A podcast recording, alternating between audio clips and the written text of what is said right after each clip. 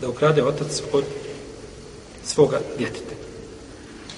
Sin ima dobu platu, babi penzija, malo, tako, ne može biti mu ni za duhan. I on dođe i ukrade od babe. Kakav je propis?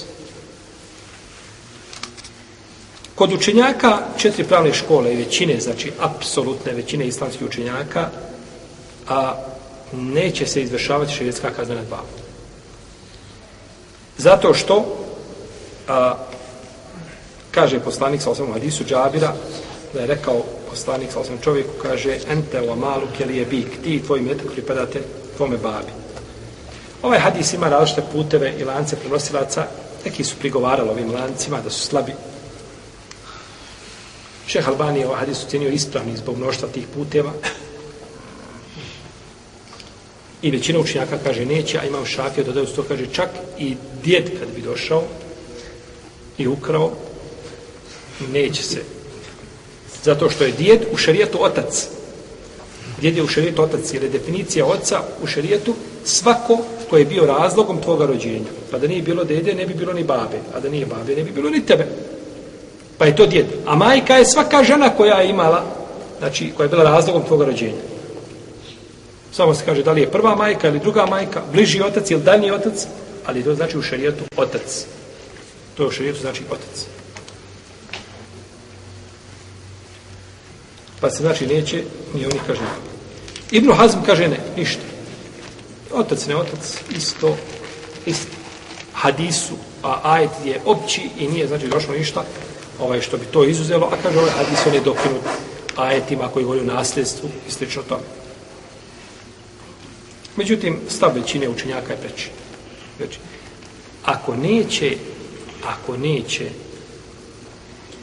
otac biti ubijen zbog djeteta. Otac ubije djete. Neće opće generalno pravilo je da neće biti ubijen zbog njega. Kažemo opće generalno. Ali nije šta? Fiksno i nepromjenjivo. Da kad ja ne može, znači ponekad zbog, znači povećani slučajeva, je tako, ovaj, e, nasilja, na takav način, bez razloga, sve što tome da, znači, ovaj, kažnjava znači ljude ne zbog toga što šerijat tako određuje nego jednostavno da bi suzbio već je zlo koje može nastupiti nakon toga pa ako neće biti ubijen zbog njega onda neće biti mu ni ruka odsječena zato ako uzeo šta njegov i metak i to je preče međutim Ibn Hazm nije ovo prihvatio on kaže ne isto je ko će im kazati zašto A neko da mi kaže zašto.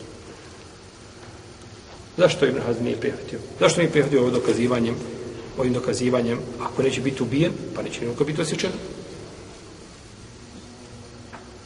Zato što Ibn Hazm, Ebu Muhammed, rahimehullahu ta'ala, ne prihvata analogiju. To kod Ibn Hazma nema. Ibn Hazm u svom djelu Muhalla, ako čitali Muhallu, naće na, na, na desetine mjesta da kaže, وَلْقِيَاسُ بَعْتِنُنْ كُلُّهُ kaže kijas, analogija je sve, sve je to ništa. I, od, i gdje god spomene kijas, kaže kijas je batil. Pa ne prihvata, znači, Ibn Hazm kijas, čak ima o tome, koliko sećam, jednu risalu posebu. Iako je Rahimehullahu ta'ala bio prinuđen mnogo situacija da upadne u kijas. Kao kaže im šeha Albani i drugi. Jer čovjek bez toga ne može.